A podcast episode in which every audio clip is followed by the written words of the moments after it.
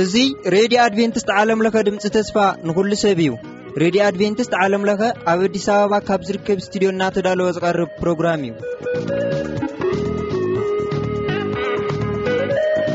በቢ ዘለኹም ምዃንኩም ልባውን መንፈሳውን ሰላምታ ናይ ብፃሕኹም ንብል ካብዙ ካብ ረድዮ ኣድቨንትስት ረድዮና ወድኣዊ ሓቂ ዝብል ትሕዝቶ ኣቐዲምና ምሳና ፅንሑ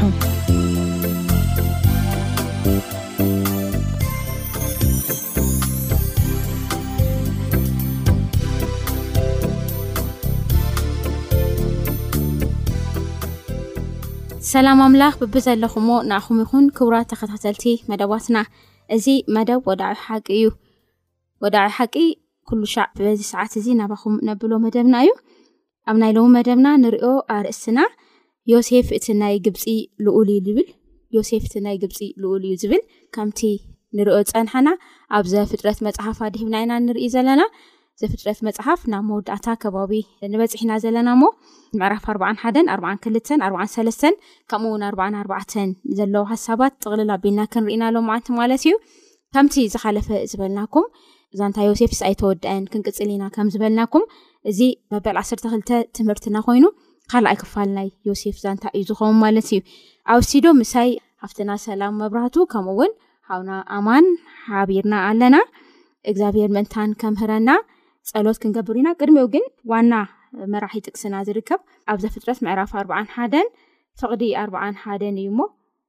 ኣንቢብና ካብኡ ጸሎት ክንገብር ኢና ማለት እዩ ከምዚ ይብል ፈርኦን ከዓ ንዮሴፍ ረአ ኣብ ልዕሊ ኩላ ሃገር ግብፂ ሸይመካ ኣለኹ በሎ ይብል ማለት እዩ ፈርኦን ከዓ ንዮሴፍ ረአ ኣብ ልዕሊ ኩላ ሃገር ግብፂ ሸይመካ ኣለኹ ይብል እዚ ሓሳብ እዚ ሒዝና ጸሎት ሓፂር ጸሎት ክንገብር ኢና ምስ ሃፍትና ሰላም ክንፅሊ ኢና ሰማይ ምድርን ዝፈጠርካ ኣብ ኩሉ ዝነብር ሕያዋይን ብርኹን ዝኾንካ እግዚኣብሔር ኣምላኽና ስለዚ ግዜ ነመስግነካ ኣለና ናብ እግዚኣብሔር ኣምላኽና ኣኼባና ክትባርኽ መንፈስካ ክትመርሓና ከዓ ንልምነካ ኣለና ጀሚር ንክሰብ ንውድእ ምሳናኹም ሽም የሱስ ኣሜን ኣሜን እግዚኣብሔር ባርክ ይብራሃ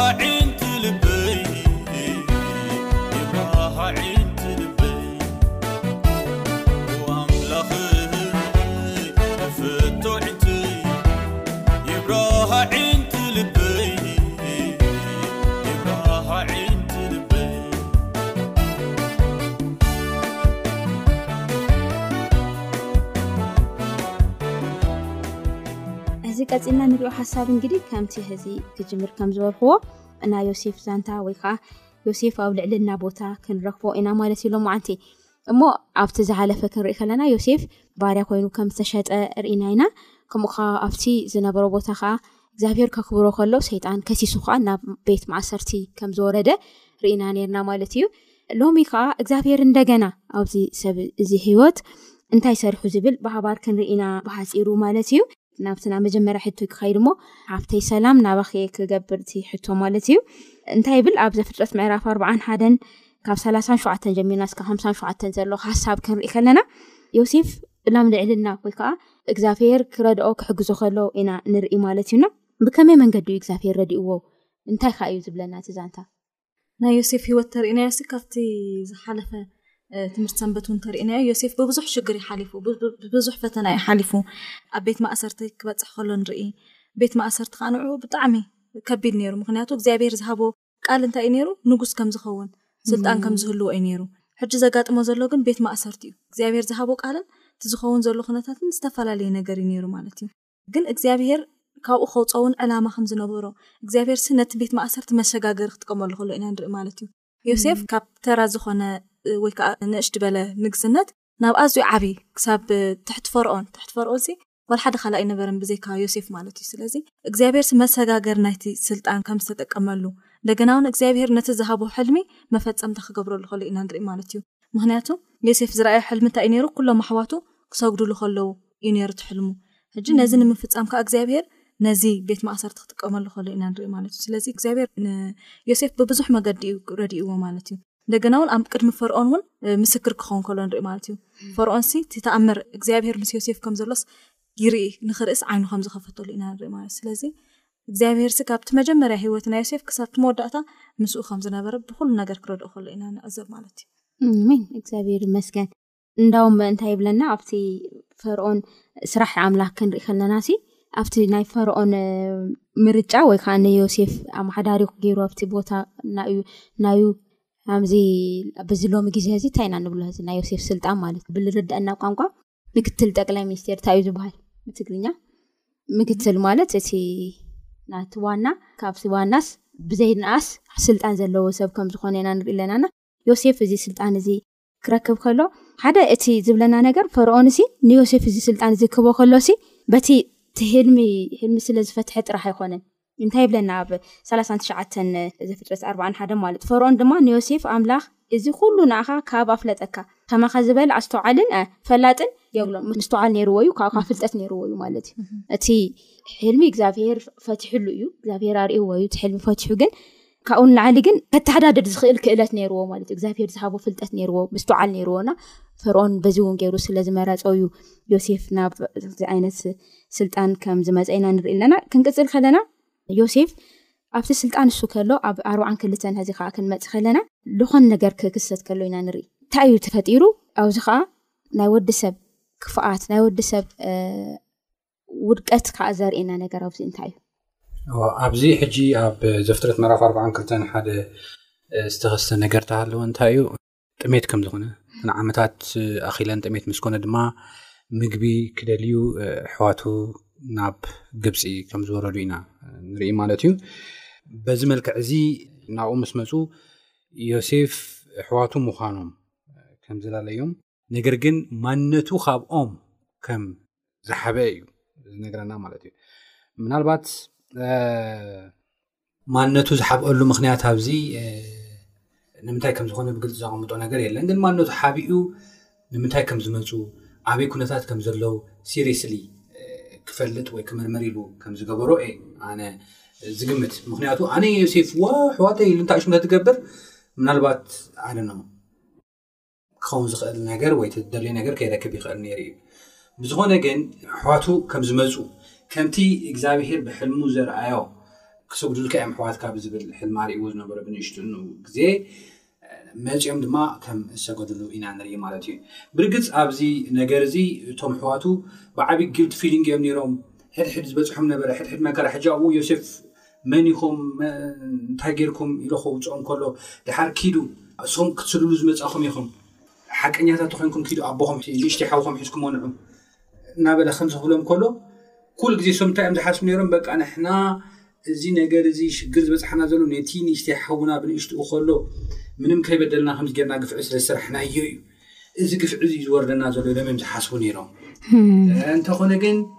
ዮሴፍ ከም መርገም ኮይኑ ንዕኦም ናብ ጭንቀት ናብ ወጥርን ክእቱ ዘይኮነስ ንዕኦም ዝበለፀ ክባርኽ ዳሃይ ሕዋቱ ብፍላይ ድማ ዳሓይቲ ካብ ዲን ካብ ኣቦኡ ዝተወልደ ቢንያም ክፈልጥ ከምኡ ዳሃይ ኣቦ ዳሃይ ተስፈቱ ኣቦ ያቆብ ንክፈልጥ ከፀናንዖ ስለ ዝደለየ ከምኡ ዝገብር ነይሩ ማለት እዩ ኣቲ ፋይናል ታሪኩ ከም ዝነግረና ማለት እዩ ዮሴፍ ማነቱ ከም ዝገለጸ ኣሕዋቱ ምፅኢ ድማ ኣብ እቲ መሬት ግብፂ መሬት ከም ዝሃቦም በቲ ንጉስ ኢና ንርኢ ማለት እዩ ስለዚ ኣብዚ ሓደ ዓብዪ እንሪኦ ሓሳብ እንታይ እዩ ዮሴፍ ነቶም ኣሕዋቱ ሰለቲ ኢኹም ኢሉ መጀመርያ ሰሊሉ ድሓር ግን ማነቱ ከም ዝረኸቦም ምስቶም ኣሕዋቱ ድማ እኽሊ ከም ዝሃቦም እዩ ዘርእየና ዝብል ሓሳብ ማለት እዩ ስለዚ ኣብዚ ዓብዪ ነገር ንሪኦ እንታይ እዩ ዮሴፍ ኣሕዋቱ በዲሎሞ እዮም ዶ ከቢድ በደል እዮም በዲሎሞ እሱ ከፍቅሮም ከሎ እሱ ክፈትዮም ከሎ ንኦም እናሓሰበ እዩ ከዓ ናቶም ፀላኢ ገለ ኮይኑ ኣይኮነን እና ከቢድ በደል በፂሕዎ እዩ ግን ምሕረት ከዓ ምግባር ዓብዪ ነገር ከም ዝኾነ ኢና ንሪኦ እዚ ማለት እዩ እና ምሕረት ክንገብር ከለና ከዓ እግዚኣብሄር ከዓ ንና ዝገበረና ነገር እናሓሰብና ብኡ ዝኾነና ነገር እናሓሰብና ምሕረት ክንገብር ዝነግረና ነገር ኣሎ ኣነ ብጣዕሚ ዝገረመኒ ኣብኡ ቦታ እሱሲ እቶም ኣሕዋቱ ምስ መፁ ሮቤል ሮቤል መጀመርያ እውን ናይ ዮሴፍ ነገር ብዝሓለፈ ክንርኢ ከለና ቅር ኢልዎ እዩ ነይሩ ንዮሴፍ ኣብ ምሻጥ ይኹን ኣብ ጉድጓዳ ምእታው ሓሳባት ያቅር በቃ ከትርፎ ደልዩ ነይሩ እዩ ብጣዕሚ ግን ኣይኮነሉና ኣብ መወዳእታ ግን እንታይ ኢሉ ሮቤል እንታይ ኢሉ ሮቤል ከዓ ይብል ኣብ እስራን ክልተን ኣርባን ክልተን እስራን ክልተን ሮቤል ከኣ ኣብዚ ቈልዓ እዚ ኣይትበድሉ ኢለ ዶ ኣይበልኩኩምን? ንስኻትኩም ግና ኣይሰማዕኩምንን፣ ስለዚ ድማ እንሆ ደሙ ይድለ ኣሎ ኢሉ መለሰሎም። ዮሴፍ ናታቶም ምምላሶም ክርኢ ብዙሕ ምንግልታዕ ኣብጺሑሎም እዩና፣ ሽዑ እዚ ሮቤል እዚ ዝተዛረቦ ነገር እዩና፣ ቀጥታ እዚ ምስ ምንታይ እዩ ዝተሓሓዝ? ኣብ ዘፍጥረት እንታይ ይብል እግዚኣብሄር? ደም ሰብ እንታይ ኣይትግበሩ ይብል፣ ኣይተፍስሱ ይብል ማለት እዩ። ምክንያቱም ደም ባዕሉ ታይ ይገብረካ ይደልየካ ልክዕ ከምዚ ናቃኤል ማለት እዩ ግን እግዚኣብሄር ንወዲ ሰብ ዘለዎ ክብሪ ዘለዎ ቦታ እግዚኣብሄር ምስ ሰብ ምስ ነብሲ ሰብ ዘለዎ ዓብይ ዝኾነ ሓሳብ እውን ኣብዚ ይነግረና ማለት እዩና ኣብ ነብሲ ሰብ ክንቅልድ ከም ዘይብልና እግዚኣብሄር ኣብ ዝሃቦ ትንፋስ ዋጋ ክንህብ ከም ዘለና ማለት ተዘይኮይኑ ግን እቲ ደም እግዚኣብሄር ካብኡ ኢልካ ክቕበል እዩ ማለት እዩ እዚ ተፃሒፉ እዩ ደም ዘብሰሰ እንታይ ይገብር እዩ ፀንሒ ዋላ ኣብ ዝኾነ ግዜ እንታይ ይገብር እግዚኣብሄር ካብኡ ኢሉ ክቕበል እዩና ንወዲ ሰብ ዘለና ነገር ብምሕረትን ብይቅርታን ክኸውን ከም ዘሎ እዩ ዘርእየና ኣብ እግዚኣብሄር ባርካ ኣማን ናብ ዝቅፅል ሃሳብ ክንካ ድማ ሓፍተይ ሰላም ኣብ ምዕራፍ ኣርባዓን ሰለስተና እዚ ካይና ክንሪኢ ከለና ከዓ ዮሴፍ ሓደ ነገር ብጣዕሚ ኣተሓሳሲቦዎ ከም ዝኾነ ኢና ንርኢ እንታይ እዩ ንምንታይ ከዓ እዩ ከምኡ ኮይኑ ሲ ከምቲ ዓንተወይ ዝረኣናዮ ናይ ዮሴፍ ስልጣን ከም ዝተሰጋገረ ርኢና ነርና እንደገና እውን ዮሴፍ በቲ እግዚኣብሄር ዝሃቦ ጥበብ ነቲ ሕልሚ ምፍታሕ ጥራይ ዘይኮነስ መፍትሒ እውን ኣዳልዩሉ እዩ ነቲ ዓመታዊ ዝኮነ ቀለቦም ነቲ ዝኩሉ ዓመታት ሸውዓተ ዓመት ዝኸውን ቀለብሲ ከዝዩ ንክፀንሕ ከም ዘለዎ ነቲ ንጉስ ክነግሩ ከሎ ንርኢ ማለት እዩ ብኣንፃሩ ከዓ ኣብቲ በዓል ያቆብ ዝነብርሉ ዝነበሩ ቦታ ኣዝዩ ብርቱዕ ጥሜት ከም ዝነበረ ኢና ንርኢ ማለት እዩ ሕጂ ያእቆብ ከድኩም መግቢ ምጹ ክብሎም ከሎ ንርኢ ኣብ ኣርብዓን ክልተን እንተርኢና ድሓር ምስ ከዱ ከኣ ንሓውኹም ሒዝኩሞ ምጹ ክብሎም ከሎ ኢና ንርኢ ማለት እዩ እዚ ከኣ እንታይ የርእየካ ዮሴፍ ኣብ ልዕሊ ቢንያም ዝነበሮ ፍቕሪ ንቢንያም ክሪኦ ክደሊ ከም ዝነበረ እንደገና ከኣ በደውን ኣሕዋት እዮም ከም ዝነበሩ እሞ ፍሉይ ፍቕሪ ከም ዝነበሩ ኢና ንርኢ ማለት እዩ ዮሴፍ ጥራይ ዘይኮነ ከኣ ያቆብ እውን ፍሉይ ፍቕሪ እዩ ኣብ ቢንያም ነይርዎ ማለት እዩ ምናልባት እዚ ፍሉይ ፍቕሪ ሲ ካብ ምንታይ እንታይ ከም ዝነበረ እዩ ዘርኢ ክመስለኪ እዞም ደቂ ያቆብ ካብ ኣርባዕተ ኣንስቲ እዮም ተወሊዶም ሕጂ እቶም ደቂ ልያ ዝኾኑ ቶም ኣርባዕተ ንበይኖም ፈሪርቲ ስሙዓም ነይሩ ገለ መለታት ዓበይቲ ከዓ እዮም ዓበይቲ እውን እዮም ይደላለዩ ነይሮም ከምዚ ከምዚ ድሓር ቶም ደቂ ዚልጳ ዝኾኑ ከምኡ ድሓር ደቂ ናይ ራሄል ሰራሕተኛታት ዝኾኑ ከምኡ ጉሩፕ ጉሩፕ እናኾኑ ይኹኑ ነይሮም ቢንያም ግን ማንም ሓዊ የብሉን እቲ ሓደ ሓዊ ዝነበሮ እንታይ ሽሙ እዩ ሕጂ ዮሴፍ ብዛዕባ ሓዊ እሞ ከዓ ብዛዕባ መንኣስ ሓዊ ሓስብ ከሎ እሞ ከዓ ከምዚ ዓይነት ጨካናት ደስፕሬት ዝገብሩ ሰባት እዚ ሓውና ኣይኮነን ኮ ወደታ እንታይ ሽሙ እዩ ወደታ ኣዲኡ ዝሞተቶ እዩ ገለ መለታት ኢሎም ደስፕሬት ከም ዝገብሮ ይስምዖ ነይሩ ይመስለኒ ካብ ዝተላዕለ ዮሴፍ ብጣዕሚ ኬር ዝገብረሉ ነይሩ ይመስለኒ ፅቡቅ ከምዚ ኣማ እንድበላ እውን እንተሪእኸያታ ንዖም ስታ ይብሎም ነይሩ እዞም ሰባት እዚኦም ዳበለ ክፅዋዖም ከሉ ኢና ንርኢ ነዞም ሰባት እዚኦም ክንጋበዞም ኢና ድራር ክንቅርበሎም ኢና ክብል ከሎ ንርኢ ማለት ፍታ ኣርዓ ሰለስተ ንቢንያም ግን ብፍሉይ ወደይ ክብሉ ከሎ ንርኢ ወደይ እግዚኣብሄር ሞገስ ይሃብካ ክብሉ ከሎ ንርኢ ስለዚ ኣብኡ ዝነበሮ ፍቅሪ የርእየና ወይ ከዓ እቲ ከምዚ ኣማ ክትብሎ ዝፀናሕካ ማለት እዩ እቲ ቅርርቦም ወይ ከዓኒ እቲ ሰብ ዘይምህላዉሲ ንዕኡስ ሓዊ ክኾነሉ ከም ዘለዎ ከም ዝተረድኦ ኢና ንርኢ። ካልእ እውን ዮሴፍ ኣብዚ እንታይ ክገብር ከሎ ኢና ንርኢ? ንኣሕዋቱ ክፍትኖም ከሎ ኢና ንርኢ። ምኽንያቱ ቅድሚ ሕጂ ዝነበሮም ባህሪ ናይ ቅንኢ መንፈስ ከም ዝነበሮም ከምቲ ንዮሴፍ ንባዕሉ ብምንታይ እዮም ናብቲ ጉድጓድ ደርብዮሞ ወላ እውን ድሓር ሸይጦሞ እዚ ከዓ ካብ ቅንኢ ዝተላዕለ እዩ ማለት እዩ። ሕጂ ንዑ ንፍንፍተን ከዓ ኣብቲ ኣርብዓን ሰለስተን ምዕራፍ ኣብቲ መወዳእታ እንድሕር ርኢናዮ ኣብቲ ሰላሳን ኣርባዕተን ተሪእና፣ ኣብቲ ኣብ ቅድሚኡ ዝነበረ መብልዕ ከኣ ግዲኦም ኣቕረበሎም፣ ንብንያም ድማ ሓለፋ ግደ ኵሎም ሓሙሽተ ኢድ ኣቕረበሉ፣ ሰትዮም ድማ ምስኡ ተሓጐሱ ይብለና። ስለዚ ሓሙሽተ ዕጽፊ ገይሩ ክህቦ ከሎ ንብንያም ንርኢ ማለት እዩ። ግን ኣሕዋቱ ኣብዚ ግዜ እዚ ኣይተገደሱን ማለት እዩ፣ ኣይተገደሱን። ከምቲ ዝነበሮም ባህሪ ናይ ምቕናእ ኣየርኣዩን ማለት እዩ። ስለዚ እዚ ከኣ እንታይ የርእየና? ኣሕዋቱ ከም ዝተቐየሩ ማለት እዩ። ኣሕዋት ዮሴፍሲ እቲ ናይ ቀደም ዝነበሮም ባህሪ ከም ዝተለወጠ ኢና ንምሃር ካብዚ ማለት እዩ ብጣዕሚ ኣነ ኣብዚ ክገልፆ ዝደሊ ሓሳብ ቀሊል ዓመታት ኣይኮነን ኦልሞስት ዮሴፍ ካብ ዝሸጥዎ እዞም ሰባት እዚኦም ኣብ እንታይ እዮም ኣትዮም ነይሮም ኣብ ገበን ስምዒት ኩሉ ከምዚ ቅድም ኢለ ዝበልክዎ በቃ ዝገጥሞም ዕንቅፋታት ኩሉ ናይ ዝሓውና መርገም እዩ ዝኽተለና ዘሎ እናበሉ እዮም ነይሮም ካብዚ ዝተላዕለ እዩ ኣብዚ ኣብ ቅድሚ ዮሴፍ ከቕርቡ ከለዉ ብደንቢ በቃ ክዘራርቡ ንባዕሉ ይሰምዖም ነይሩ እዩ ንሕናስ ከምሰ ንገብር ከምሰ ንገብር እናበሉ ይሰምዖም ነይሩ እዩ እሞ ክሳብ ክንደይ ጎዲእዎም ከም ዝነበረ ድሓር ተጣዒሶም ከም ዝነበሩ እዚ ቐነ ገዲፎሞ ከም ዝነበሩ ሓደ ሓደ ጥቕስታት ፍንጪ ይህቡና እዮም ዝብል ሓሳብ ኣሉ ምናልባት ኣብቲ ዝቐፀል ሓሳብ እውን ከመይ እዮም ኮይኖም እቲ ኑዛዚኦም ከከመይ እዩ ብዝብል እውን ክንርኢና እሺ ፅቡቕ ኣምላኽ ይባርኩም ብጣዕሚ ፅቡቕ ሓሳብ ኢኹም ትህቡ ዘለኹም ሞ ካሊእ ሓሳብ ከወሰኩ ናብ ቀጻሊ ሕቶይ ክኻድ እሞ ምዕራፍ ኣርባዓን ኣርባዕተን በጺሕና ኢና ዘለና ኣብ ዘፍጥረት ኣርባን ኣርባዕተን ማለት እዩ ጽዋዕ ዮሴፍ ናዩ ጽዋዕ ማለት እዩ ኣብ ናይ ቢንያም እኽሊ መትሐዚ ኣብቲ ለቆጣ ከም ዝገበሮ ኢና ንርኢ ማለት እዩና ንምንታይ እዚ ገይሩ ሕዚ እውን ኣንቶ እውን ንቢንያም ፍሉይ ዝኮነ ጠመተ ከም ዝሓበ ብፍሉይ ክከናኸነ ከሉ ኢና ንርኢ ኣለናና ንምንታይ እዩ ሱካ ገይሩ ውሕጂ እዚ ናይ ስለላ ነገራት ምንታይ ከም ዝገበረ ኣይደኖ ኣነ ብኸመይ ብግልፂ ዝተረዳእኹ ነገር የለን ግን እቲ ኣቦኡ ውን ክመፅእ ይደልዮ ነይሩ እዩ ኣቦኡ ይፈትዎ ነይሩ እዩ ኣቦኡን ብሂወት ምህላውን ዘይምህላውን ንክፈልጥ ብጣዕሚ ፃዕሪ ዝገብር ነይሩ ብጣዕሚ ካብዚ ፃዕሪ እዚ ከዓ ይምርምሮም ነይሩ ምክንያቱ እዞም ሰባት እዚኦም ርእዎም እዩ ጨካናት እዮም ነቲ ሓደ ሓዎም እኳ ዘይራህርሁ ኣብ ጉድጓድ እትዮም ንባሮት ንሰብ ሚድያን ዝሸጡ ሰባት ነቦይ ኣይትርፍዎን እዮም ክቐትልዎ እዮም ዝብል ሓሳብ እዩ ነይርዎ። ስለዚ እዚ ናይ ኣቡኡ ሃለዋት ንኽፈልጥ፣ ኣቡኡ ድማ ሒዞምዎ ንኽመጹ ኢሉ ዝገበሮ ከም ዝኾነ ኢና ንርኢ። ምኽንያቱ ዮሴፍ ከምዚ ቅድም ኢለ ዝበልክዎ ብፍላይ ምስ ቢንያም ሓደ ዓቢ ሓዊ እዩ፣ ካብ ኣቦን ካብ ኣደን ማለት እዩ፣ ዓቢ ሓዊ እዩ።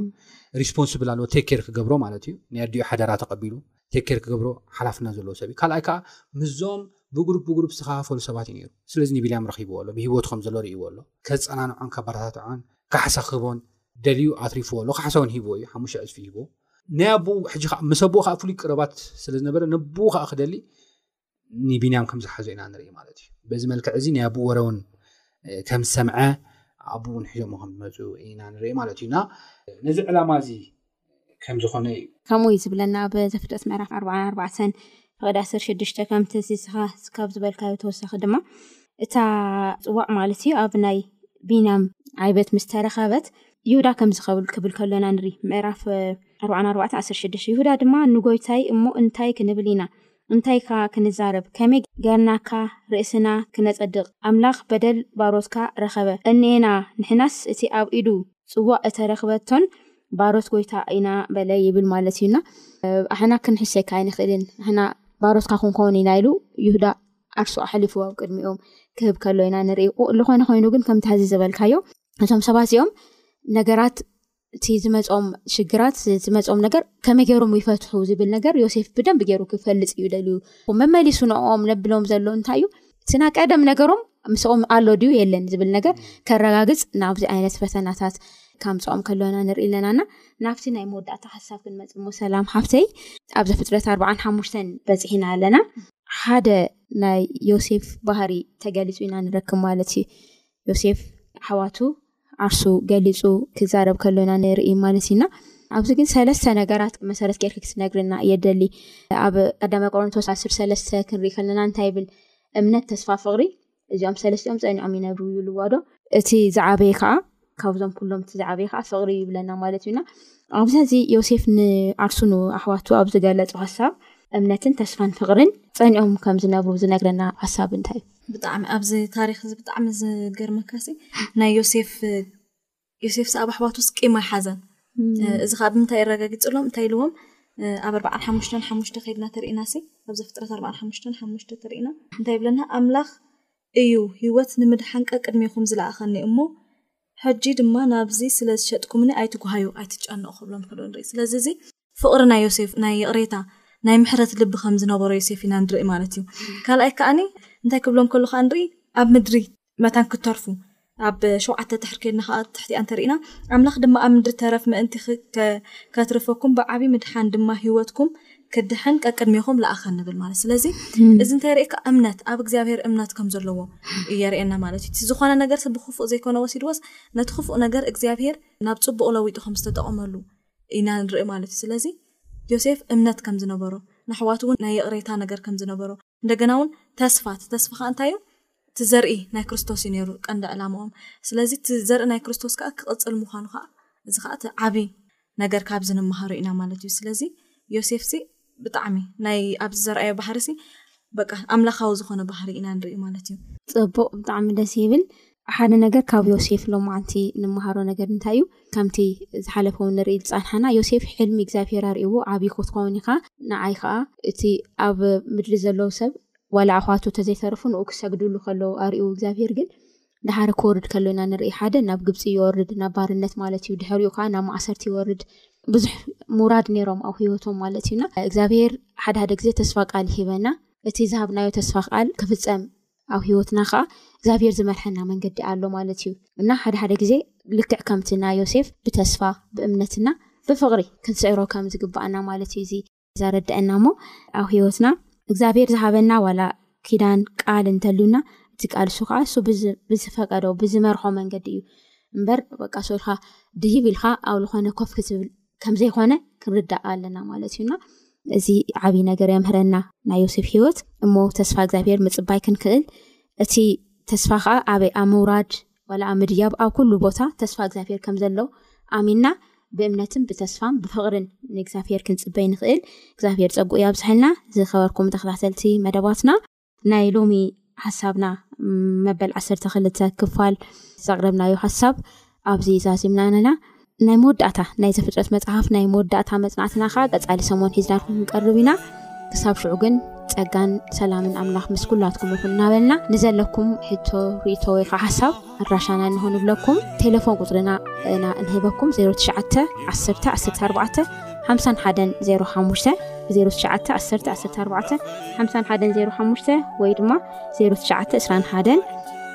ሰማንያን ሸሞንተን ኣርባዓን ትሽዓተን ዓሰርተ ክልተ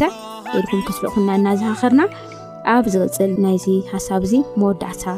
ክፋል ህዝናኩም ክሳብ ንቐርብ እግዚኣብሔር ምስ ኩላትና ይኹን ሰላም